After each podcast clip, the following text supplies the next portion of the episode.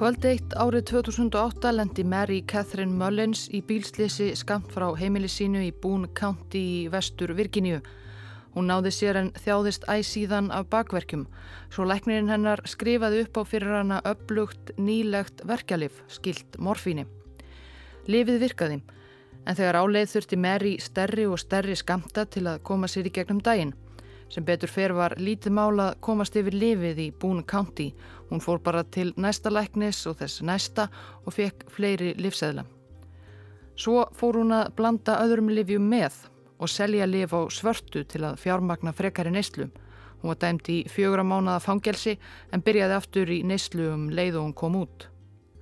Á Þorláksmessu 2015 var bróðir Mary Nick Mullins, lauruglumadur í Boone County, kallaður út að heimili sýstu sinnar.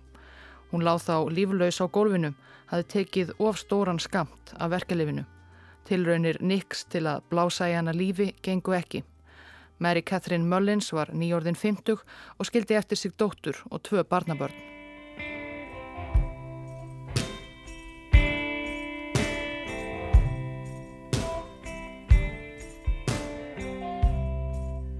Viðskiptaritið Forbes heldur meðal annars út í lista yfir ríkustu fjölskyldur bandaríkjana. Þar efst trónir Volton fjölskyldan sem rekur risaverslanirnar Walmart. Í öðru sæti allræmdir íhaldsamir ólíujöfrar Koch fjölskyldunar og ofalega á lista eru fleiri frægnöfn. Hörst fjölskyldan, Mars ættin sem auðgæðist á samnemdu súkulæðistikki og fleiri. Í 19. sæti í þessum töluðum orðum er svo Sackler fjölskyldan. Hún er kannski ekki viðfræg en nafn hennar má fæna víða ef vel er að gáð. Auðmenn Sakker slektisins hafa nefnilega lengi verið afkastamiklir í góðgerðastörfum og peningagjöfum. Sackler Álmann í Metropolitan listasafninu í New York hýsir hið egifska Dendurhof sem var byggt 15 fyrir Krist og flutt frá Egistalandi til Bandaríkjana tæpum 2000 árum síðar. Í Sackler galleríinu á Smithsonian í Washington er eitt glæsilegasta sapn asískra listmuna í bandaríkunum. Það eru líka Sackler söpn við Harvard Háskóla og Háskólan í Beijing í Kína. Læknisfræði deilt Tel Aviv Háskóla í Ísrael er nefnd eftir Sackler og efnilegir raunvísindanemar þar geta unnið til Sackler verlunana. Fjölskyldan virðist vera stolt af auðæfum sínum og nafni Og þó því sakler nafnið er ekki að finna á fjölskyldufyrirtækinu og ættingjarnir vilja í raun og veru lítið tjá sig um businessin sem þau þakka auðsinn. Því sakler gullið má rekja til pillunar sem svifti Mary Catherine Mullins í Boone County í vestur Virginíu lífinu og hefur orðið svo ótal mörgum öðrum að bana á aðeins tveimur áratugum Oxycontin, lifið sem hratt af stað ópíóiða faraldrinum sem er að gleipa bandaríkin í sig.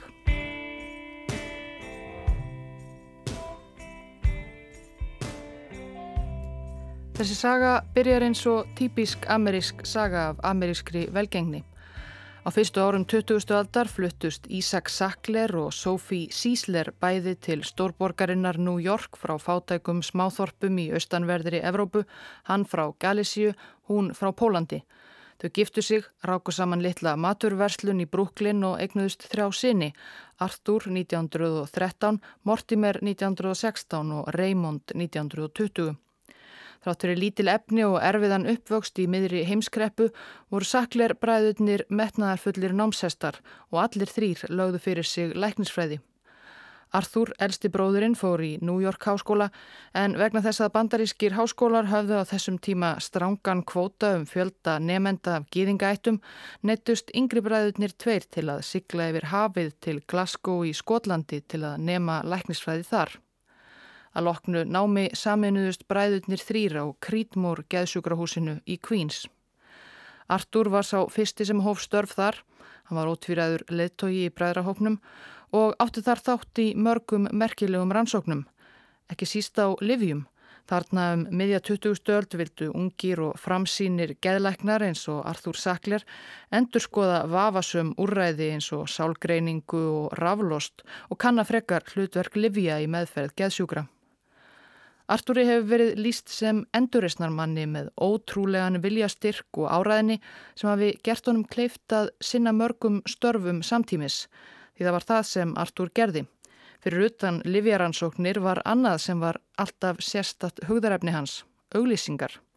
Þegar hann var táningur og maturuverslun foreldra hans barðist í bökkum, hlópan undir bakka með fjölskyldu fjárhagnum með því að selja auglýsingar fyrir dagblaði hverfinum. Það var ekki aftur snúið. Jável í læknanáminu vann hann fyrir sér aukalega sem skrýpend fyrir auglýsingastofu William Douglas McAdams sem sérhæfði sig í lækninga og lefjabransanum. Þegar Arthur gekk til liðs við stofuna var hún ör lítil en það livja auglýsingar bransi sem var þá eiginlega valla til.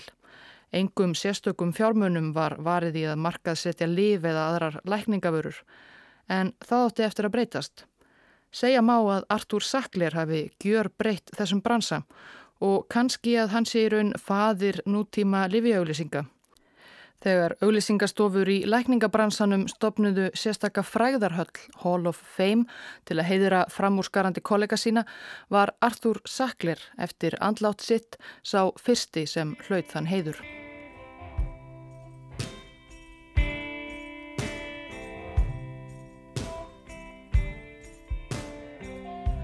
Arthur Sackler gekk til liðs við auglýsingastofuna William Douglas McAdams á 5. áratögnum á tíma sem mikill vöxtur var í livja þróun og sífælt að koma á markað ný liv sem mörg hver voru sett fram sem undra liv sem myndu breyta öllu og lækna allt og alla.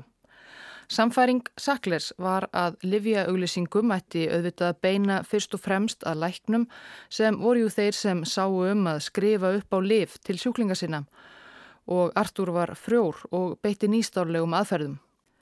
Einn af fyrstu stóru kunnum mannsjá William McDouglas Adams var efnafyrirtækið Charles Pfizer. Vísindamenn þar höfðu þróað nýtt síklarlif, Terramísin, sem lofaði góðu, en fyrirtækið vildi selja það beint undir eigin nafni og ekki fara í gegnum annað sérhæft livjafyrirtæki. Artur áttaði sig á því að því þyrti að gera Pfizer nafnið þekkt með að lækna. Hann reðst í umfangsmikla herrferð. Hann byrti stórar litrikar auglýsingar fyrir Terramísin í fagritum lækna eins og American Journal of Medicine, nokkuð sem áður var óheirt. Hann sendi líka bref um ágæti Terramísins umfram önnur síklarlif til fjölda bandarískra lækna og sendi útsendara, sölumenn, í heimsóknir á læknastofur um gerfalt landið. Terramísin sló í gegn og velti fljótt 20 miljóna dollara. Arthur Sackler gretti svo gríðarlega á samningi sínum við Pfizer að hann kifti vinnveitenda sinn auglýsingastofuna.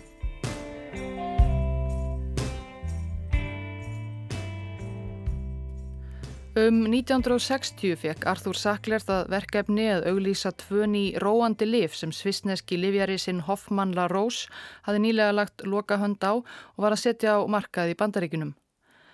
Lefin tvö þóttu byltingar kenda á sínu sviði en voru í raun nauða lík og hafðu svipuð áhrif á sjúklinga. Bæði voru þetta svo kolluð benzodiazepín liv en ákveðið var að markað setja þau sem um tvö gjör ólík efni værið að ræða til að koma ekki niður á sölu annarkors livsins. Og það sem meira var, Hoffmann Larós ákvaðað verja áður óheyrðum fjárhæðum í markaðsetninguna um 200 miljónum dollara hafið saklir að spila úr.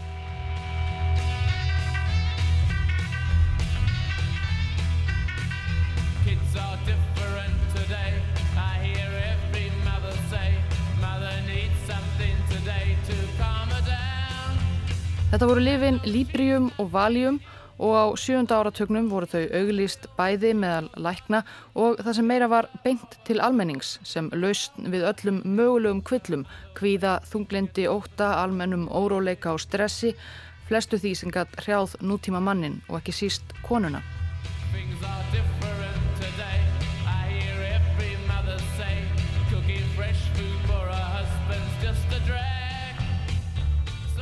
Arthur Sackler auglisti Valium og Librium grimt í læknaritum.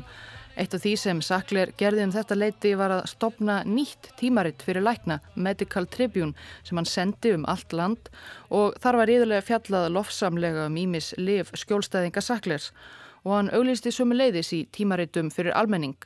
Hann fann nógu upp á annari nýlundu í markaðsetningu Livja, sjóvars auglýsingum.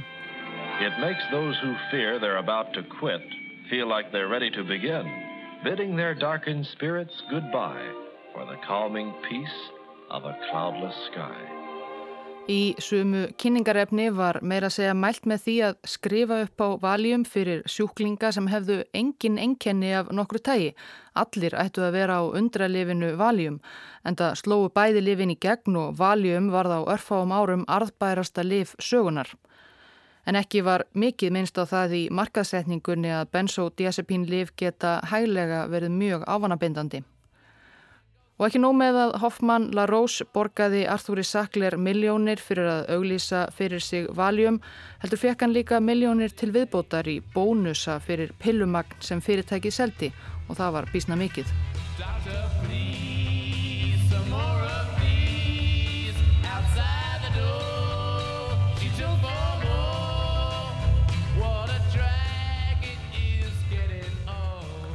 Árið 1953 mistu yngri bræður Artúrs, Mortimer og Raymond Sackler vinnuna hjá Creedmoor geðsjúkrahúsinu í Queens í hreinsunarherferð Joe McCarthy en allir þrýr bræðurnir höfðu dadrað örlítið við kommunistaflokk bandaríkjana á yngri árum. Stóri bróðir, þá kominn vel á veg með að verða auðugur auglýsingafrömuður á hvaða retta bræðurum sínum nýri vinnu. Hann ákvaða að bræðutnir skildu fara út í livjabransan og kefti handaðeim lítið livjafyrirtæki. Purdue Frederick Company, fyrirtæki með höfðustöðvar í New York og langa sögu en sem velti bara smápenningum eða um 20.000 dólarum á ári. Bræðurnir þrýr eignuðust hver sinn þriðjungin í fyrirtækinu en Mortimer og Raymond stjórnuði allavega að nafninu til en það ekki við hæfi að auglýsingamókullin Arthur Sackler færi sjálfur í beina samkeppni við önnur livjafyrirtæki sína helstu skjólstæðinga. Ekki er þó hægt að ætla annað en að elsti bróðurinn hafi haft áhrif á stefnu Purdue Frederick bak við tjöldin og með framgangi Arthur Sackler sem auglýsingamanns í Livjabransanum reys Purdue Fredrik sem síðar var bara kallað Purdue Pharma eins og Phoenix úr öskunni á 7. og 8. áratögnum. Vörurnar sem fyrirtækið sérhæði sig í voru ekki þær flottustu þannig, hægðalosandi liv, eirnamerks, hreinsir og hreinsiefni fyrir spítala en þetta voru örugar tekjulindir og yngri saklirbræðurnir tveir, Mortimer og Raymond, nálguðust með tímanum stóra bróður í auðsöfnun. En þetta var bara byrjunin.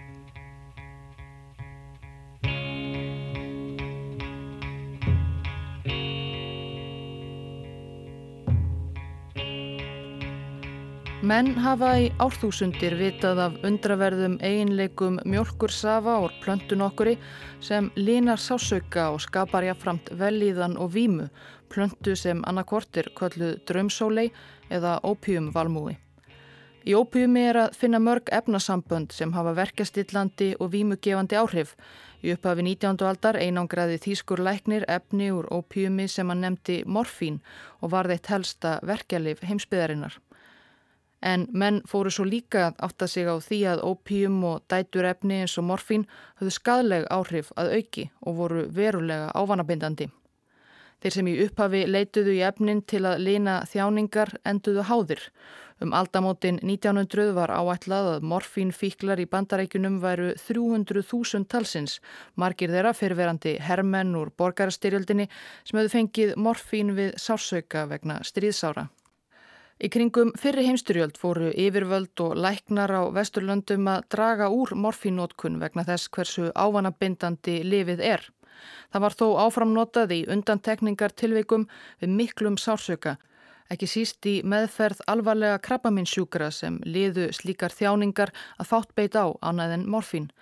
Í öðrum tilfellum komu veikari verkelif í staðin. Advil, tablets and new caplets. Advanced medicine for pain. For hours of relief, get the Anacin difference, tablets or capsules. En reyndar, undir lok nýjunda áratögarins og í byrjun tíunda áratögar fór af stað ný umræða með að lækna um einmitt sársöka og verkjalið.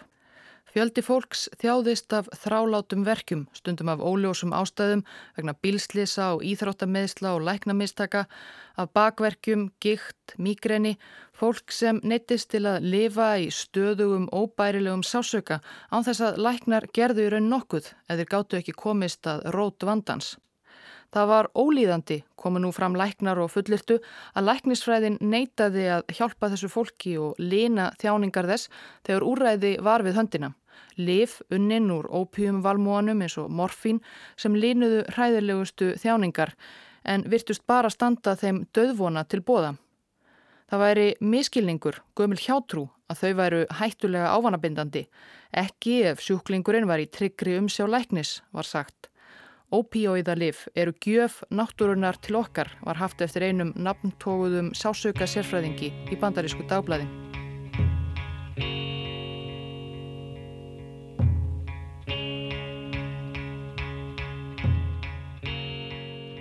Richard Sackler hétt elsti sonur yngsta bróður sinns Raymonds.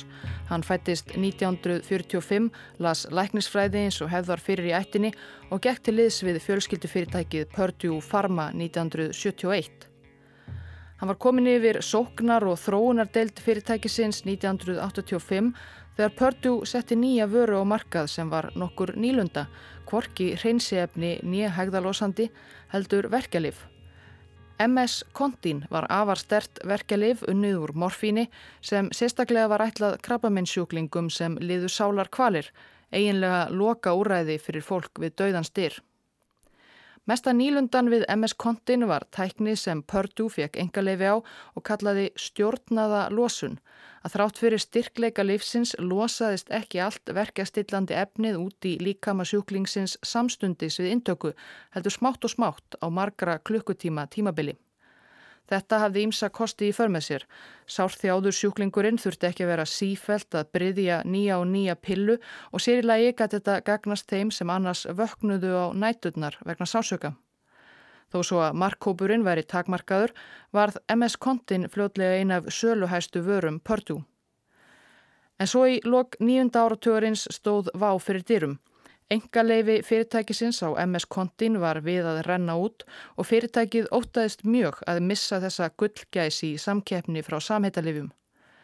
Með Richard Sackler við stjórnvölin réðust vísindamenn í að hanna annað lif sem myndi geta fangað sama markað en er þið nægilega ólíkt MS Kontin til að nýtt engaleifi fengist. Vísindamenn Purdue fóru að skoða enneitt ópjóiðan svo kallað oxykóton sem var byggt á þepaini, öðru efni sem er einangraður mjölkursafa ópíumvalmúans. Þýskir læknar hafðu fundið upp oxykóton í kringum fyrri heimsturjöld, þá er leitað sterkum ópíóiða sem ekki væri eins ávanabindandi og morfín.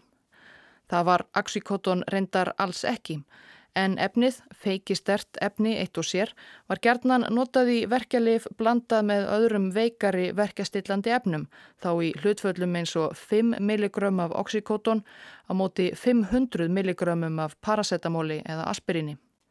En í nýja stjórnaðrar losunarlifinu ákvað Pördu að flækja þetta ekki og nota reynd oxykóton, það var líka svo ódýrt í framleiðslu. Nýja lifið fekk nafnið Oxycontin Oxy eins og oxycodon og Contin eins og í MS Contin sem stóð fyrir Continuous áframhaldandi og það var framleitt í nokkrum stærðum frá 10 milligrömmum upp í risastærðir 80 og 160 milligrömm. Það var langtum meira og sterkara en nokkurt annað ópjóiðalifa og markaði. Réttlætanlegt ekki síst vegna þess að allur þessi stóri skamtur fór ekki úti í líkama þess sem tók lifið inn á sömu stundu, heldur yfir langan tíma, 12 klukkustundir í allt fullirti Purdue Pharma.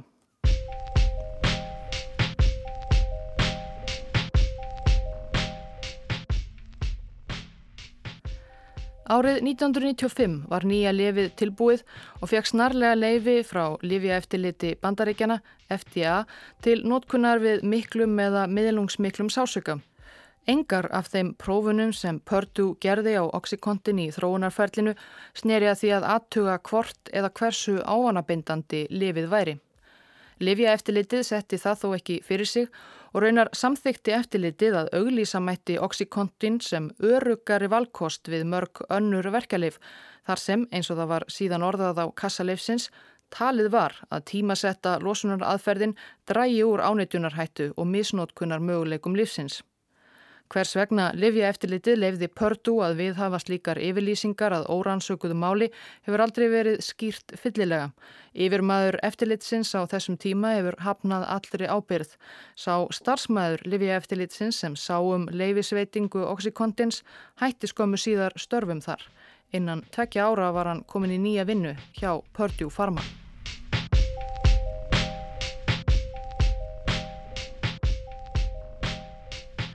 Arthur Sackler, elsti bróðurinn og auglýsingamókullin lést 1987 áður en fyrsta Oxycontin tablan leitt dagsins ljós á rannsóknarstofu Purdue. Afkomendur hans seldu síðar hans sluta í fyrirtækinu yngri bræðrunum tveimur og fjölskyldum þeirra. En Andi, elsta bróðursins, sveif óneitanlega yfir vötnum þegar ættingar hans fóru út í markaðsetningu á nýja lifinu. Markaðsetningu sem varð svo dýrasta og umfangsmesta í sögu lifjabransans. Ný viðhorf til opioidalifja og meðhöndlunar á sársöka hafði ekki farið fram hjá yfirbóðurum Purdue Pharma og það var það sem markaðsherrferðin gekk helst út á. Oxycontin við öllum mögulegum verkjum, Oxycontin fyrir venjulegt fólk sem leið kvalir.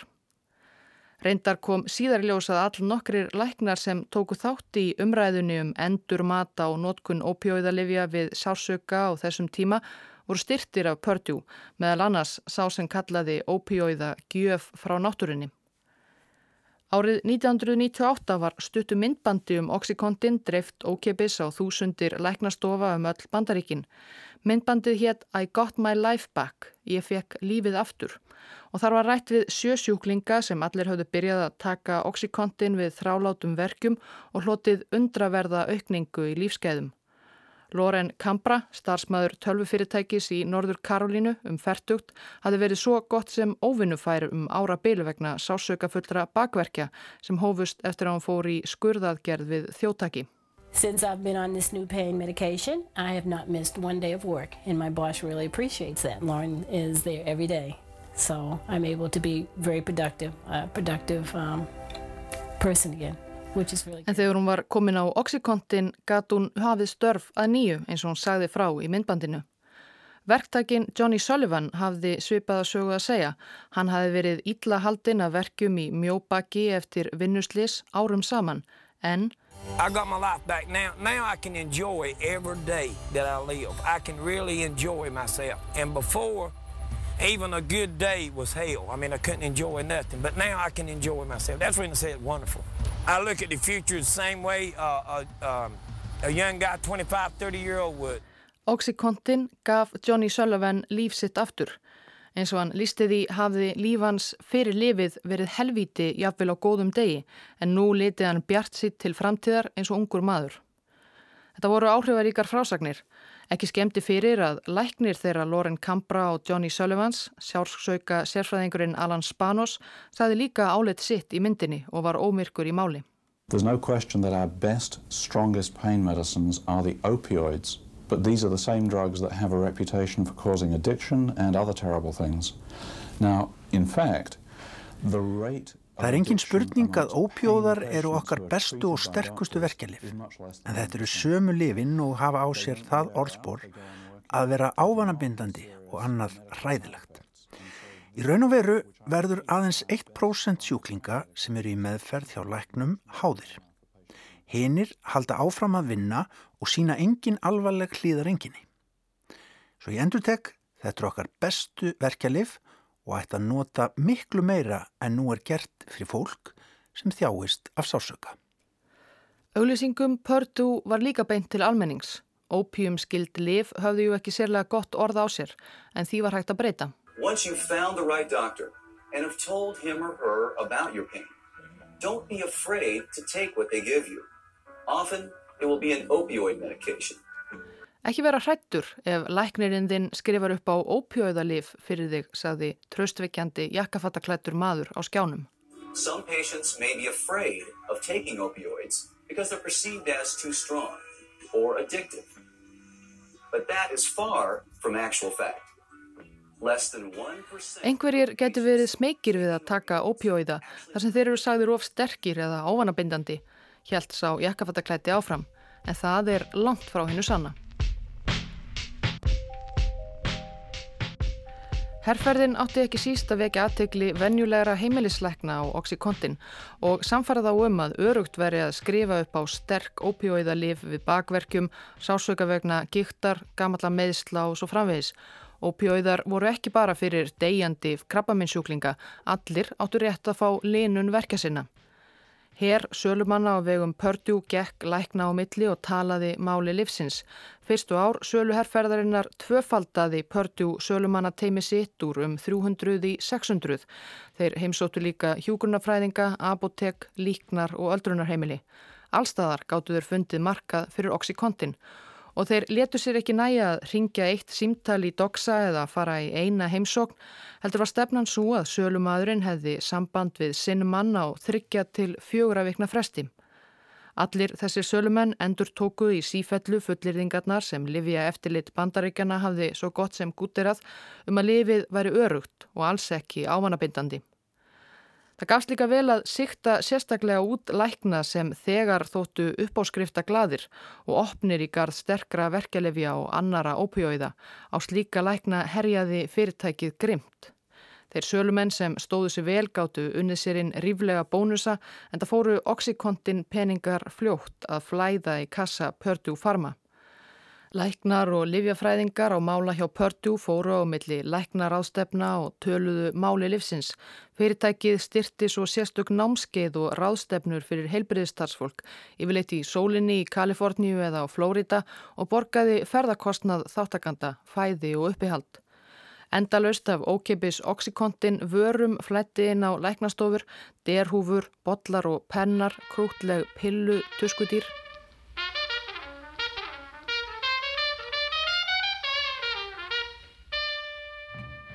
Eitt sinn sendi Pördu læknum geysladisk með gamalli svingtónlist. Svingið er lifandi, stóð á umslæginu yfir mynd af gladbeittu eldra pari í dansi. Jú, án Oxycontin hefði þetta ágæta fólk án Eva verið svo þjakað af gíktarverkjum að það hefði aldrei getað dansað.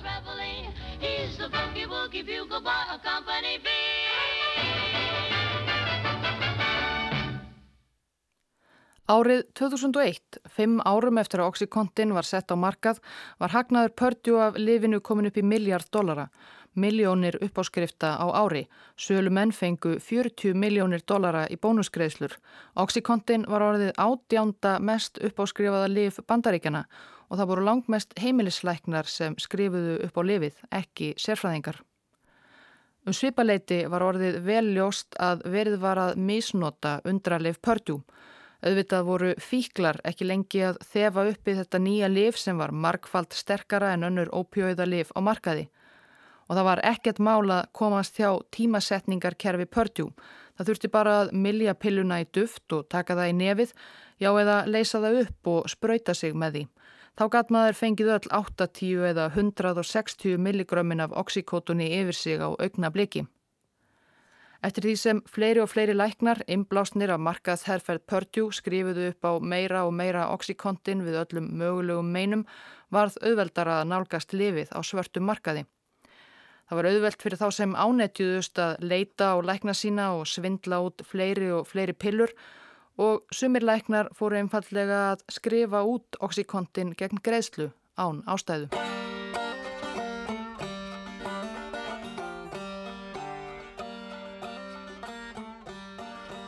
Hverki varð Oxycontin nótkun og misnótkun eins viðtæk og eins alvarleg og í sveitum og smáþorpum Appalachiufjalla í Kentucky, Vestur Virginíu, Tennessee, Georgíu og þar. Þar í fjöllunum, þar sem atvinnuveginnir eru kólanám, skóarhögg og landbúnaður, mátti finna fjölda fólk sem var þjakað af sásauka og meðslum, hafi verið lengi en kannski aldrei fengið mikla aðtegli læknis, ekki annað en veikar, gagslausar aspirínpillur, áður en ópjóiðabildingin helt innrið sína. Á sama tíma var efnahagur þessara svæða á niðurleið verið að loka námunum engin sérstök önnur störf sem komu í staðin, bara atvinnuleysi og fátækt. Andrumsloftið í smábæjum Appalassíu á þessum tíma einkendist af vonleysi. Auðvitað var á þessum stöðum fólk sem misnotaði læknadóp og önnur efni fengin á svörtum markaði. En það var eins og oxykontin hreinlega flætti yfir þessi svæði og stöðvandi flóðbylgja sem að auki sópaði öllu öðru burt. Ekki leið og löngu þar til það var ekkert nema oxy að fá. New York Times byrti eina fyrstu bladagreinunum um þennan nýja faraldur í júli 2001 og þar var rætt við Pólu, 24 ára oxykontin fíkil í bænum Mani, vestur Virginíu, íbúarum 800. Póla kyrði með bladamanni um smábæin og bendi á öll húsin þar sem hægt var að kaupa pillur af þeim sem hafðu uppáskriftir. Í mann, saði Póla, var eins og oxykontin kæmi allt í einu af himnum ofan. Einn daginn hafði engin heyrt um oxy og mánuðin síðar voru pillurnar orðnar hluti af daglegu lífi mörg hundruð bæjabúa. Það var svo auðvelt að kaupa oxykontin í og kringum bæinn, saði Póla, að þar til nýlega hugsaði hún aldrei um að allir í ferlinu voru að brjóta lög. Smátt og smátt gegnum sýrðu lifin samfélagið, kynnslóðir ánetjúðust, amma og afi díluðu, unglingarnir stálu pillum úr baðherbyggiskápnum til að komast í výmu og börnin fættust fíklar.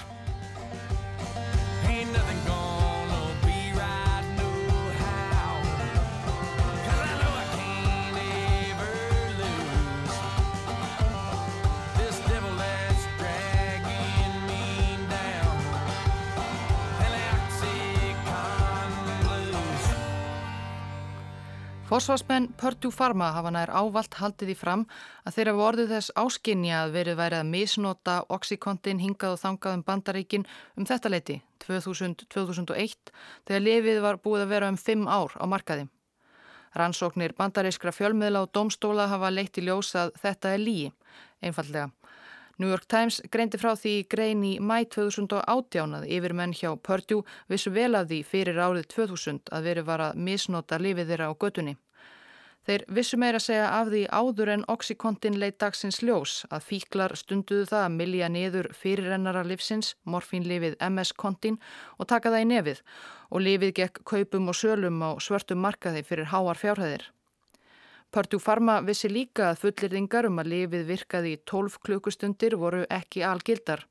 Fyrstu rannsóknir á lifinu höfðu leitt í ljósað í mörgum tilveikum fundu sjúklingar aftur til sásauka eftir einungis 8 klukkustundir og urðu því að taka meira og meira oxi til að sleppa.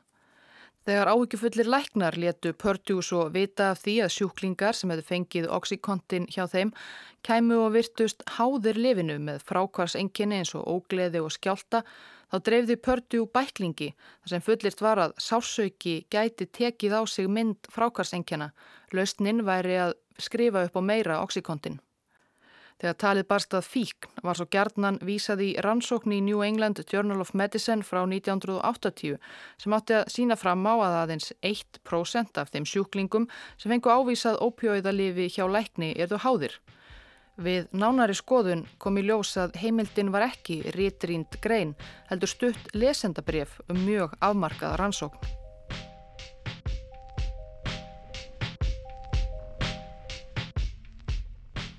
Sjötju og 2000 bandarækjumenn létust úr of stórum skamti eiturlefja á árinu 2017, þar af að minnstakosti tveir þriðju úr ofneislu ópjóiðalefja.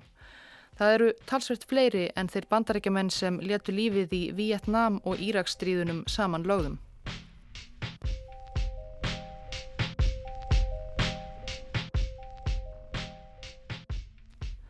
Í upphafi var talað um oxykontin faraldur. Svo var það opioíða faraldri þegar oxykontin fíklar fóru að færa sig yfir í önnur opioíðalif meðfram eins og hefð feiki sterka fentanil. Ný kröftug ópjóiðalif komu á bæði almennan og svartan markað því auðvitað vildi enginn missa af þessu gullæði. Og ekki bara pillur, þegar leið á fyrsta áratug þessari aldar hækkaði verðið á oxykontin á svörtu markaði. Ný útgáfa af pillunni sem kom fram 2010 gerði það sömulegis erfiðar að milja hana niður og sniffa. Nýja útgáfan kom til vegna gaggríni á Purdue Pharma en kannski líka svo að hægt væri að endur nýja arðbært engaleifi fyrirtækisins á Oxycontin. En þó að lifið hafi orðið öllu óaðgengilegra þurftu allir þeir ópjóiða fíklar sem lifið hafi skapað ekki að ótast frákvörf. Mexikoskir eiturlefjasalar sáu tækifæri í ópjóiða fíklunum í smábæjum Appalachíu og stukku til. Þeir fóru að fjölmenna þangað og buðu sitt heimaræktaða sterka heroin, svipuð víma, ódýrari en oxi. Þeir eru ekki minni sölumenn en útsendarar Purdue Pharma. Eitt vinsælt triks er að koma sér fyrir fyrir utan meðferðarstofnanir til að grýpa þá sem er að reyna að losa sig við Livia djöfulin og bjóða þeim ókipis pröfur af meksikosku heroinni. Á síðustu árum allt í einu og eftir að hafa verið á niðurleið frá því á nýjunda áratögnum er heroín því orðið að nýju eitt hættulegasta dópið í bandaríkunum. Fjórir af fimm bandaríkjamönnum sem taka upp heroinnislu í dag byrjuðu með livseðilskildum verkelefjum.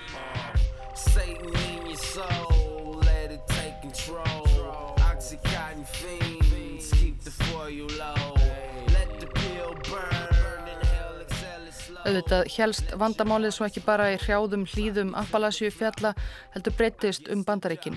Oxycontin og annur ópjóiðalif hafa á síðust árum orðið áberandi í bandarískri dægurmenningu, sér í lagi hip-hop tónlist.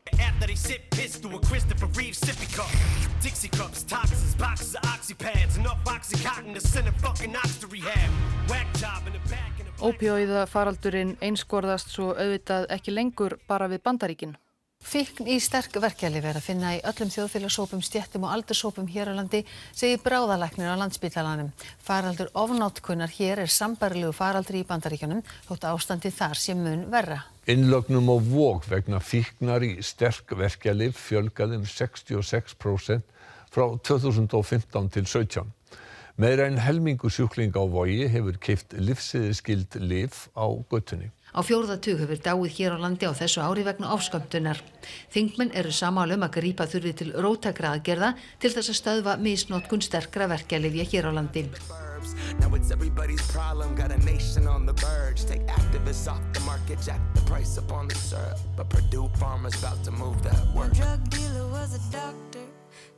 Purdue Pharma hefur verið lögsótt ótal sinnum fyrir misvísandi markaðsetningu, oxykontin og ósannar fullirðingar um öryggi livsins, af yfirvöldum á svæðum sem oxykontin hefur leikið grátt og af fólki sem hefur mist ástvinni í gín livsins.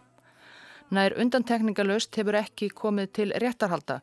Purdue Pharma verðist frekar vilja semja utan dómsals eða borga sektir. 2007 játuðu forsvarsmenn Pördu að hafa blekt almenningum hætturnar við Oxycontin eftir umfangsmikla rannsókn bandaríska dómsmálaráðunetisins og borguðu 600 miljónir dollara í sekt. Fyrirtækið hefur á síðust árum borgað ótaldar miljónir til viðbótar í sektir og samninga vegna yfirvofandi dómsmála.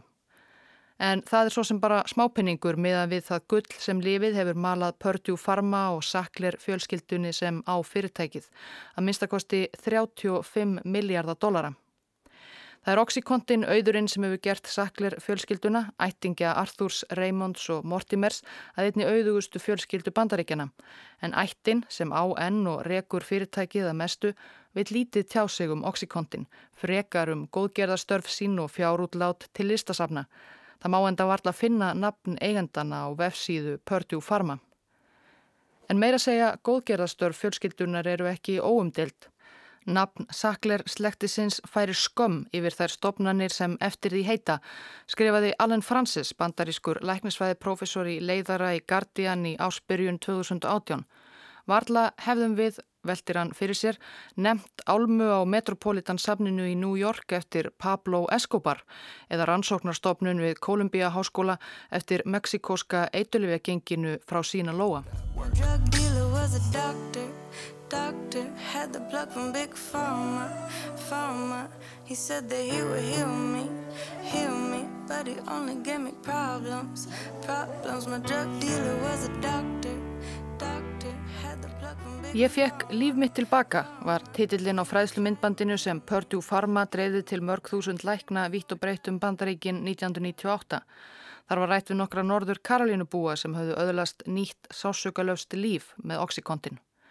Meðal þeirra var Lauren Cambra sem gatt snúið aftur til vinnu sinnar hjá tölvufyrirtæki og Johnny Sullivan sem hafi verið þjáður í baki eftir vinnuslis en nú horfi öðruvísi við. I got my life back now. Now I can enjoy every day that I live. I can really enjoy myself. And before, even a good day was... Árið 2012 ákvað bladamæður Milwaukee Journal Sentinel að hafa upp á Oxycontin sendiherrunum í auglisingamindbandi Purdue. Í ljós komaði tilfelli margra þeirra hafði nýja lífið ekki varað lengi.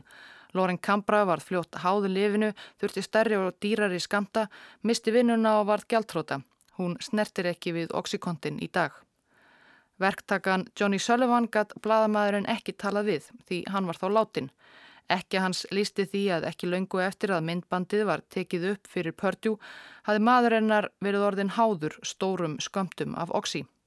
Hann hafi orðið sljór af livjaneistunni, þurft aðstóð hennar við einföldustu störf eins og að klæða sig, sopnaði tíma og ótíma, jáfnvel með fullan munnin við matarborðið. Dag einn árið 2008 sopnaði hann undir stýri á jeppanum sínum í Akstri. Bílinn vald og Johnny Sullivan dó samstundis. Hann var 52 ára. Doctor had the plug from Big Pharma, Pharma. He said that he would heal me, heal me, but he only gave me problems, problems. My drug dealer was a doctor, doctor had the plug from Big Pharma, Pharma. I think he trying to kill me, kill me. He tried to kill me for a dollar, dollar.